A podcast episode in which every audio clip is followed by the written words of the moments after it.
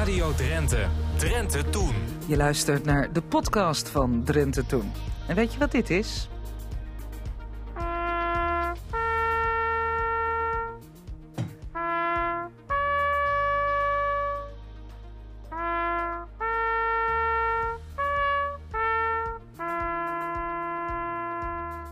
Ja, het taptoe-signaal, dat kennen we natuurlijk van uh, de twee minuten voor acht. Voorafgaat aan de twee minuten stilte op 4 mei. Maar het is militaire muziek.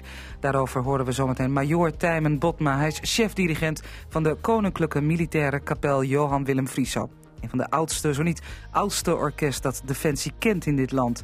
En ook al gaan krijgsmachten en muziek al eeuwen samen... in Nederland vieren we dit jaar 200 jaar militaire muziek. En we gaan over de grens, de provinciegrens, maar niet de grens van een ander gebied. Namelijk de Veenkoloniën, die liggen in Groningen en in Drenthe. In het Veenkoloniaal Museum in Veendam duiken we samen met directeur Hendrik Hagmer allerlei interessante zaken op. Zoals dit bijvoorbeeld. Grappig is dat ik die dingen dus ook, uh, we houden wel excursies naar Letland en zo. daar kwam ik ze in het Openluchtmuseum ook tegen. Dus ook in, uh, in Rusland en in Letland kenden ze dus hetzelfde systeem. Dus vond ik wel grappig. Wat zou dat nou zijn? En Henk Luning is weer van de partij. In zijn serie over dieren in Drenthe gaan we leuke spelletjes doen met dieren. Tenminste, dat vonden mensen vroeger leuk, zoals katknuppelen. Dat begint met het vangen van een kat en die stop je in een houten vat. En uh, dan was het de bedoeling uh, dat een uh, team van een man of tien om de beurt dus op die ton gingen slaan. Uh, door er onderdoor te lopen. Soms werd het zelfs op paard gespeeld, dat je er met paard onderdoor kon en dat je dan met een knuppel dus tegen die ton aansloeg. Het gaat over katknuppelen. Verder uh, mooie oude radio uit het Rono radioarchief. En natuurlijk een jeugdherinnering van Wiebe Kruijer. Sophie Timmer. We gaan praten over militaire muziek. 200 jaar geleden en een paar maanden zette koning Willem I zijn handtekening onder het Koninklijk Besluit Nationale Militie. En dat betekende nogal wat, ook voor de militaire muziek. Want het Verenigd Koninkrijk der Nederlanden kreeg 17 regimenten infanterie en ook met een eigen muziekkorps. Voor de toenmalige koning was dat een heel belangrijk onderdeel van de krijgsmacht, de muziek. En je kunt je daar ook van alles bij voorstellen. Nou, vrijdag 26 april aanstaande staat de Koninklijke Militaire Kapel Johan Willem Frieso stil bij dat 200-jarig bestaan tijdens een concert in de Nieuwe Kolk in Assen. Daar gaan we het zo meteen ook over hebben. Want aan de telefoon heb ik Major Tijmen Botma. Hij is de chef-dirigent en artistiek directeur van de Koninklijke Militaire Kapel Johan Willem Frieso. Goedemiddag, Major Botma. Goedemiddag. Ja, voordat wij de Schouwburg induiken, allereerst uh, militaire muziek. Ja, van oudsher denk ik dan aan, aan het slagveld. Ja, nou, het is inderdaad een hele uh, geschiedenis is eraan vooraf. En zeker uh, voordat die 200 jaar militaire muziek echt 200 jaar militaire muziek was, heeft er ook wat, wat, is er behoorlijk wat aan vooraf gegaan. Maar misschien is het handig dat ik even vertel, ja, wat is nou militaire muziek, hè? Er wordt eigenlijk uh, uh, twee dingen onder verstaan. Dat is de muziek die er gespeeld wordt, maar wij worden ook aangeduid als militaire muziek. Hè? Bijvoorbeeld, uh, dat kennen we allemaal, ingebeurde uitdrukkingen als bijvoorbeeld met de muziek voorop en ja. achter de muziek aan. Ja. Die klinken natuurlijk heel vertrouwd. Maar als wij op een paradeterrein staan, dan krijgen wij ook altijd het commando. Muziek, geef acht en muziek, het Wilhelmus. Dus ja, uh, militaire muziek heeft ook de, uh, de heel duidelijk twee betekenissen wat dat betreft. Ja, ja. En uh, ik kan me zo voorstellen, maar misschien is dat wat romantisch gedacht, dat het ook nou ja, ter ondersteuning van allerlei activiteiten, ja, oorlogsactiviteiten zeker. zelfs, ja. diende. Ja, nou ja, ik weet niet of, of je een behoefte hebt aan een klein stukje historie. Ja, um, zeker. Hè, als, je, als je goed vindt, kan ik daar iets over vertellen. want zolang de legers zijn, is er ook militaire muziek. En dat is voortgekomen uit de behoefte om boodschappen via signalen door te geven. je had nog geen uh, grote alarmtoestanden uh, en, en, uh, en, grote apparaten die heel veel geluid konden geven. Dus daar was de militaire muziek heel handig ja. in. En instrumenten die daar eigenlijk een, heel veel, of een hele grote rol in hebben gespeeld... dat zijn de trompetten, fluit en de trommel.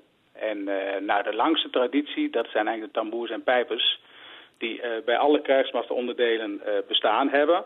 Maar die nu eigenlijk alleen nog voorkomen bij, de, bij het onderdeel mariniers. Ja, eigenlijk heel bijzonder voor u ook om in zo'n zo'n eeuwenlange traditie te staan. Die gaat veel verder dan, dan die 200 jaar die we dit jaar vieren. Ja, ja, zeker. En dat is, dat, dat is inderdaad heel mooi. En vooral als je er ook in verdiept en bezig bent met een programma samen te stellen dan uh, duik je inderdaad in die geschiedenis en dan kom je hele leuke dingen tegen. Bijvoorbeeld uh, dat de Turken uh, een hele grote invloed hebben gehad op onze militaire muziek. Oh. toen die bijvoorbeeld in 1453 het Europese grondgebied binnentrokken. toen probeerde de westerse wereld ze dus op allerlei mogelijke manieren tegen te houden. en dat is ook gelukt, maar de invloed van de Turkse muziek ja, dat is een hele grote, uh, heeft een hele grote betekenis gekregen. Ja, Als we kijken naar uh, bijvoorbeeld slaginstrumenten zoals pauken, grote toom, bekkens en het triangel, maar ook de schelleboom. Ja, dat, die zijn niet meer weg te denken in onze huidige uh, militaire muziek. En dat is, uh, ja, dat is een mooi, uh, leuk detail natuurlijk. Ja. Zeg, nou bent u verbonden aan de Koninklijke Militaire Kapel Johan Willem Frieso. Dat is, een van, dat is de, ik wou zeggen, een van de oudste, maar is dat de oudste militaire... Nou ja, uh, de Koninklijke Militaire Kapel Johan Willem Frieso, hè, als je die twee namen combineert, dat is uh, eigenlijk pas sinds 2005 uh, eh, dat we zo heten. Maar als ik ga naar de Johan Willem Frieso Kapel, ja, dat is het, echt het alleroudste orkest wat, wat we kennen binnen de krijgsmacht. En dat is al in 1819 is dat ontstaan. Ja. En misschien is daar ook wel, ook wel leuk om, uh, om daar iets uh, over ja, te vertellen. Gang, ja. He, want jij vertelde net in je inleiding al 200 jaar militaire muziek. Nou, inderdaad, in 1813 eigenlijk, 30 november 1813, kwam Willem I landen op Scheveningen. En uh, eigenlijk een kleine zes jaar later was de oprichting van militair orkest een feit. En dat bestond inderdaad, wat je ook zei in je inleiding, uit 17 stafmuziekkorpsen. En uh, ja, dat moest helemaal opgericht worden. En het waren ook hele kleine orkestjes. Er bestond uit een kapelmeester en uh, eh, 17 muzikanten. Hmm. En uh, de kapelmeester was toen in die tijd had de rang van onderadjudant. En tegenwoordig is dat behoorlijk opgewaardeerd, gelukkig. Ja. En, uh, en, de soldaten, of de, de, muzikanten waren gewoon soldaat. En dat zijn nu ook allemaal onderofficieren. Dus daarin is heel veel veranderd. En ja, een van de eerste dirigenten in 1819 was de, de, de onderadjudant Jacques Nuits. En uh, eigenlijk kennen we de naam Johan Willem Frieselkapel pas, uh, uh, pas veel later. Die naam die, uh, die, die werd, werd, werd, echt later genoemd. In, in 19 moet ik even nadenken. dat was 1954 volgens mij. toen werd de naam stafmuziek veranderd in Johan Willem Frieselkapel. Ja. Dus dat, ja, daarvoor was het echt heel, heel divers allemaal. Ja. Trouwens, heel veel mensen zeggen nog steeds Johan Willem Frieso Kapel. Ja, klopt. Ja, wij zijn gedrild hier bij de omroep inmiddels. Ja, ja, ja, nee, dat klopt. Dat hoor je in het noorden vooral. In, het, uh, in de rest van het land is men al uh, redelijk... Uh, uh, gewend aan die andere naam. Maar ja. goed, die EWF-kapel, die, die, die, die, die band met Assen en met het noorden, ja, dat is gewoon hun kapel. Ja. En uh, dat, dat, dat zal ook altijd zo blijven en dat vinden we ook helemaal niet erg hoor, nee. dat, het zo, dat het zo is. Er is veel veranderd, het is ook veel hetzelfde gebleven. Jullie spelen ook altijd in tenue, hè? Jullie staan daar niet in, in vrije tijdskleding, dat is altijd in Nee, nee, nee, nee. we zijn dus wat dat betreft een echt militair orkest. Als je, uh, onze dagelijkse repetities, die vinden plaats op de Johan Willem Frieso-kazerne in Assen. En daarin spelen wij altijd in uniform. Dat noemen we wel het kazerne-tenue of ook wel het dagelijkse tenue. En als wij optreden, dan doen wij ons concerttenu aan. Dat is een heel mooi blauw, uh, Nassau-blauw pak met een mooie rode bies. En, uh, maar als wij echt uh, um, belangrijke ceremoniële optredens doen, dan gaan wij in ons ceremonieel tenue. En uh, ja, dat is, uh, uh, daar hebben wij nu, omdat we zijn samengegaan in 2005 door twee orkesten, Koninklijke Militaire Kapel en Johan Willem Kapel, treden wij ook op in twee ceremoniële tenues. Ja. Nog even een vraag over de muziek. Hè? Uh, vrijdag 26 april is dus dat concert.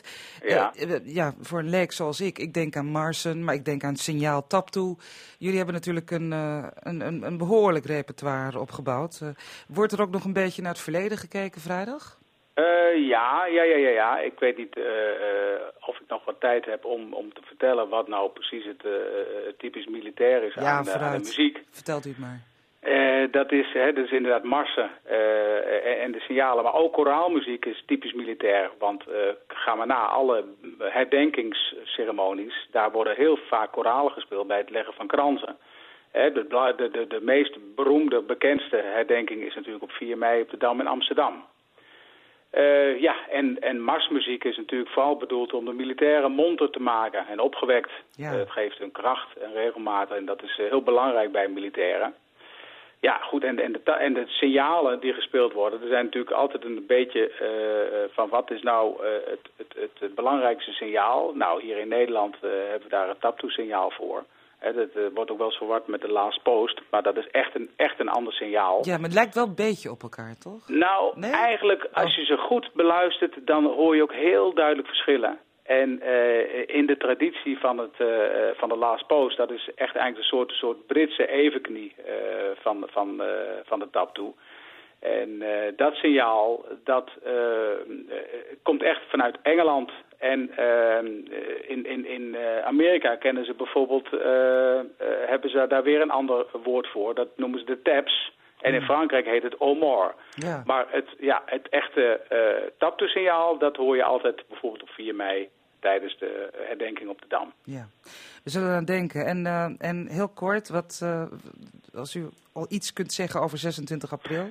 Ja, nou 26 april, dat is, uh, en dat doet mijzelf, uh, ja, dat is de, ik heb een persoonlijk uh, drama beleefd de laatste twee weken. Ik ben namelijk met mijn fiets gevallen en daardoor heb ik mijn schouderblad gebroken.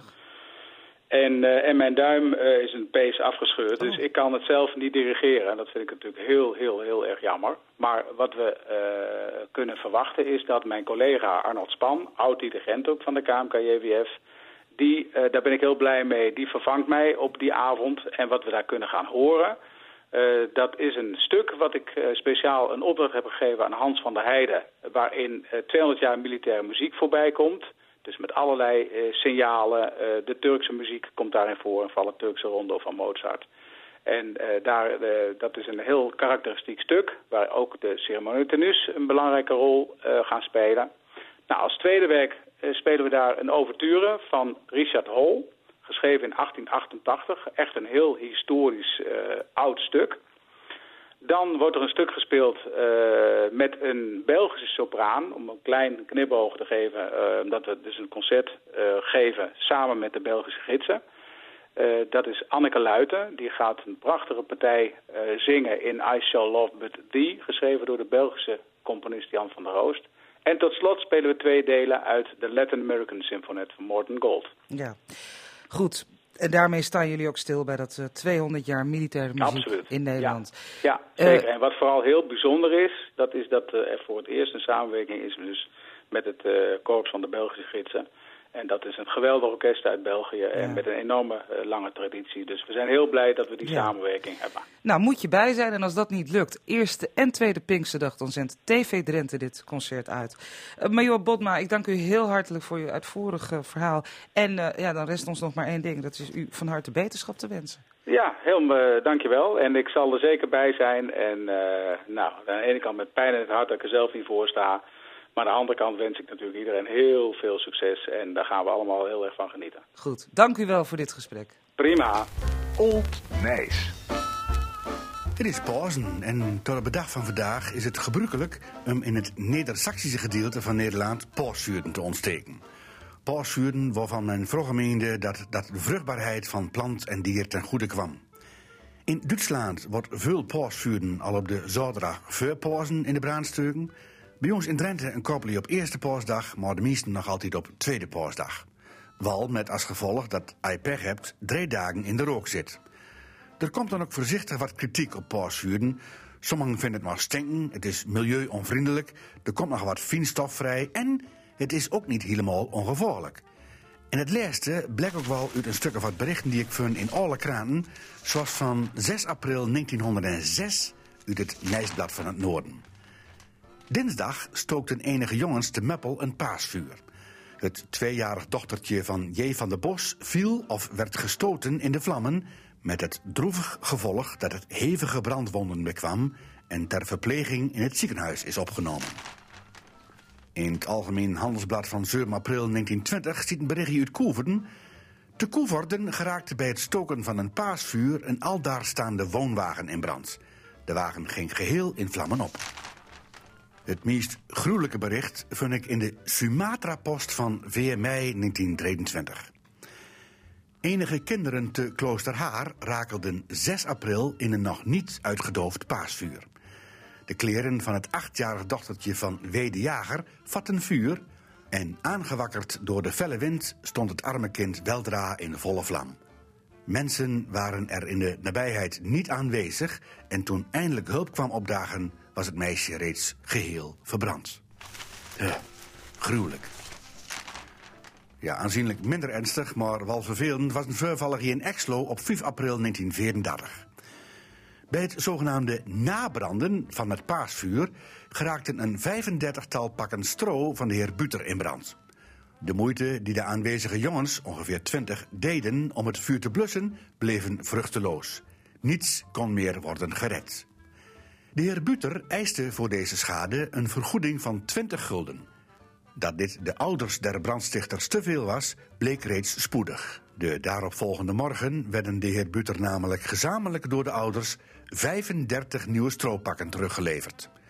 Voor de kinderen is dit echter een waarschuwing voorzichtiger met vuur te zijn. En in 1939 was er in Diever geen pausvuur en dat had te maken met de wind. Er was net een andere plekkeuze voor het pausvuur. Een vrijer liggend terrein, zo stiet in de krant. Maar in de nabijheid stond evenwel een drietal huizen met rieten daken... en nu wilde het toeval dat de wind gisteravond juist in de richting deze woningen was. Het paasvuur kon dien ten niet in brand gestoken worden... tot leedwezen van de talrijke belangstellenden. Maar hoe prachtig die alle paasgebruiken wezen kunt... blijkt wel uit een krantenbericht uit Steenwijk van 10 april 1939. Het bezoek aan de paasweide, een traditie die stamt uit de grijze oudheid... blijkt nog steeds zo hecht te zijn ingeburgerd...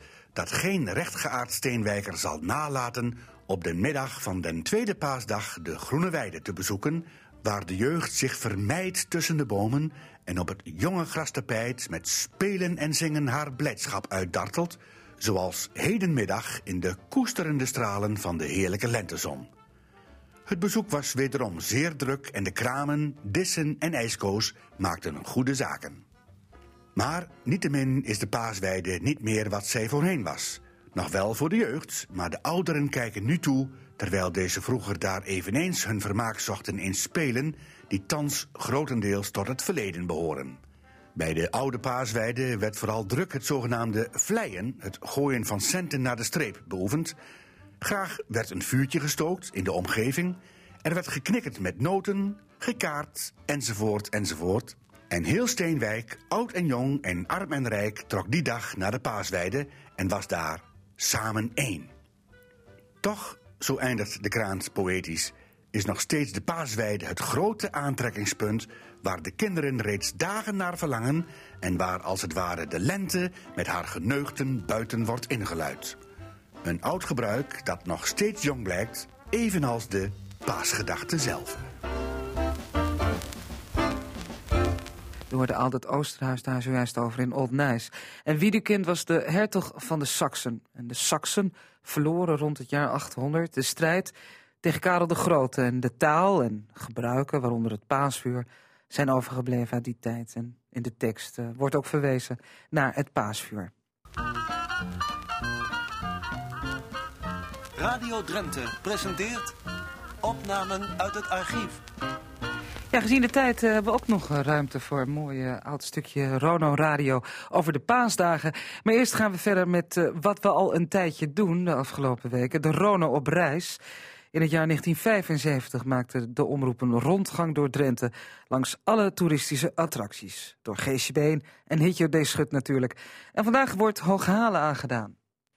Wij bleven nog even op het VVV-kantoor voor een praatje met de heer Oosting. Meneer Oosting, een van de belangrijkste dingen van de laatste jaren in Hooghalen op toeristisch gebied is wel het melkwegpad naar de radiotelescopen van Westerbork.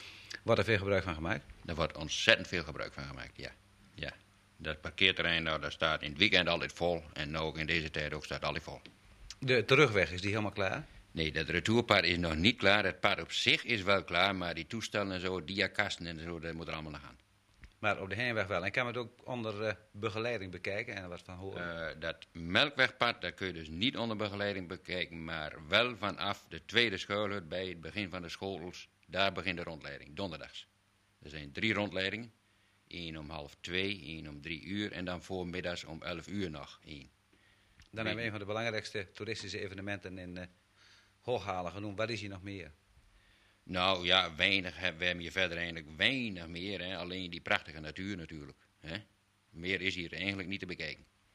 Bekend van de laatste jaren is het uh, witte zand in Hooghalen, door de weg, hè? Het witte zand, ja, dat is doorsneden door die vierbaan snelweg, hè. Daar hebben we wel tegen geprotesteerd, maar er is uh, niks meer aan te doen. En de campings, er zijn er een aantal campings in Hooghalen. Ja, er zijn drie campings. Het Grote Zand, de Eikenhorst en dan de camping van Staatsbosbeheer. En daarvan vroeger ken ik nog het Hooghalenzand. Het Hooghalenzand is er ook nog waar dan het kampeerhuis van de VCJC nog in staat. Hè? Dat is een afgesloten gebied voor uh, auto's enzovoort. Ze hebben de picknickplaatsen ook toegeplaatst. Want er waren veel mensen, dagjesmensen vooral, die daar dan eens naar dat grote zand, naar het Hooghaalde Zand gingen. En dan daar een windscherm neerzetten, daarachter rustig gingen zitten. En dan kwam er weer een auto langs. En uh, die reed dan hard en dan was het allemaal weer stof. En uiteindelijk heeft daar het bosbeheer gezegd, nou dan gaan we dat afsluiten. Ja, mooi. Hooghalen. Mooie natuur en verder is er niks te doen. Hij zei het, ik niet. Um, ja, ik zei het al, uh, uh, gezien de tijd hebben we ook uh, ruimte voor nog een stukje archief. En dat hebben we speciaal uitgezocht op de tijd van het jaar. Het is eerste paasdag en wij vonden het programma in Drenthe in 1964. Geesje Been, die gaat op bezoek bij de familie Beerman in Borger. En ze praat daar met de vrouw des huizes over de voorbereidingen op het paasfeest. Ja, vrouwlie. Nou, hij stond weer twee zondagen, hè. En uh, dan wil je vanzelf ook wel een beetje vrij hebben. Is het druk met de voorbereiding, de Beerman? Ah, ja, nogal, hè. Want nou, je bent zondags wel een kerk, zondags morgens. En ja, nou, dan moet je toch een beetje klorigheid hebben daags van tevoren. En uh, ja, smiddags dan, nou, dan je mijn droom of zo, zo wat.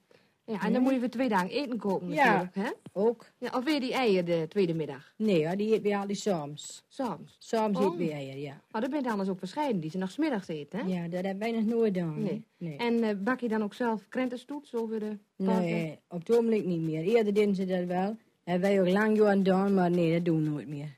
Eet je die uh, eieren zonder brood? Nee, wij eten eieren en dan eten er brood bij, hè? Maar ja, er ben ook wel, nou enkel, ze meneerde wel hoor. Dan is ze net tien aan en dan is ze betoen wel nog een stuk of 18, 20 eieren betoen nog. De, nou, en dan zien ze wel eens van, hij leest hem maar met dap op het. Nou, dan krijg je er ook geen hinder van. nou, dat heb ik nog nooit gehoord, maar... Ja, ik weet niet of het woord is, mevrouw, en wij eten niet zoveel eieren hoor. Nou, uh, u zegt net van, van 18 naar 20, maar ik heb wel eens een verhaal gehoord van mensen die ja, dadig op. Die waren ook nog met een stuk wat jongens, die moesten de stomp wat vol eieren kopen. Nou, nou, nou. dat wordt dan waar, hoor. Ja. Dus eieretende lusten dus. Even goed in de oren knuppen. Gewoon de lesten met dop opeten. En dan zal je niks overkomen. Ja, ja. je mij even of het ook houdt, Mef?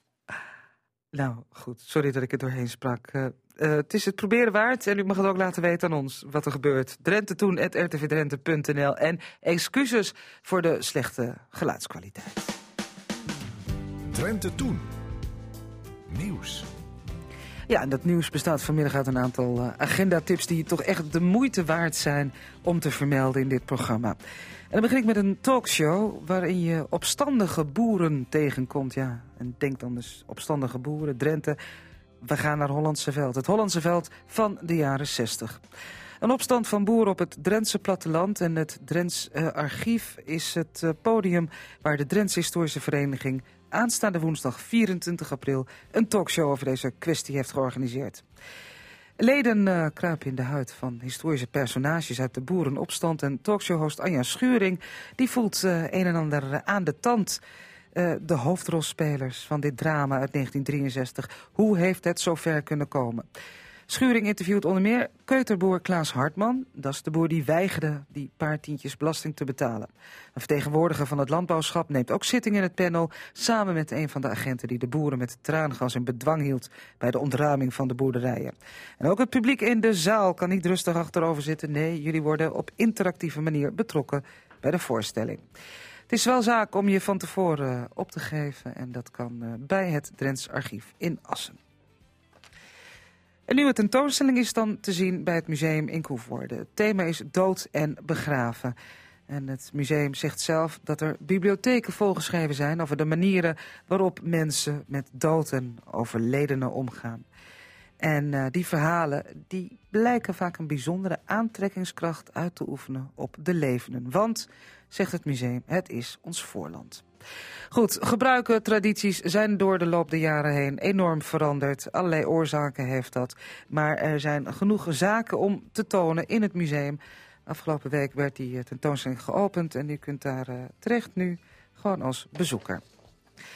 Dan nog een, uh, een leuk ja, kleine tentoonstelling. Of eigenlijk moet ik zeggen een modelbouwbeurs. Ja, een modelbouwbeurs. Wat doet die nou in dit programma? Nou, het gaat over Meccano. En misschien heeft u er zelf mee gespeeld. Uh, Andries de Weert mailde ons. Hij is van beroep binnenschipper. Sinds kort aan de wal, vaart niet meer. Hij heeft een hobby en een passie. En dat is Meccano. 4 mei heeft hij een uh, Meccano modelbouwbeurs in Klasinaveen georganiseerd. En dan nog een leuke excursie van het Nationaal Park Drentse aan. Het thema is veldnamen. En uh, ja, veldnamen waren belangrijk. Dorpsbewoners in Drenthe wisten vroeger feilloos de weg naar de steenakkers of naar de lijnstukken, zonder kaart en zonder navigatiesysteem. Veldnamen vormden een onderdeel van de leefomgeving en waren onmisbaar voor de oriëntatie en de communicatie. Zo schrijft de organisatie ons. Het is een, uh, een, uh, ja, een, een, leuke, leuke excursie. Gidsen die vertellen van alles over het ontstaan van het Esdorpenlandschap. Met Es, het dorp, het Beekdal en het Heideveld. En de geschiedenis van het dorp Gasteren staat centraal. Je kunt meedoen. Woensdag 24 april. Het vertrek is om 7 uur vanaf de parkeerplaats Gasterse Duinen bij Gasteren aan de weg naar Oude Molen. Deelname is gratis en aanmelden is niet nodig. Je luisterde naar de podcast van Drenthe Toen. Luister ook eens naar onze andere podcast van Radio Westerbork, bijvoorbeeld Binnen de Muren, over het leven in de gevangenis in Venhuizen, die van Cassata of de Sportcast. En laat eens een beoordeling achter. Dank je.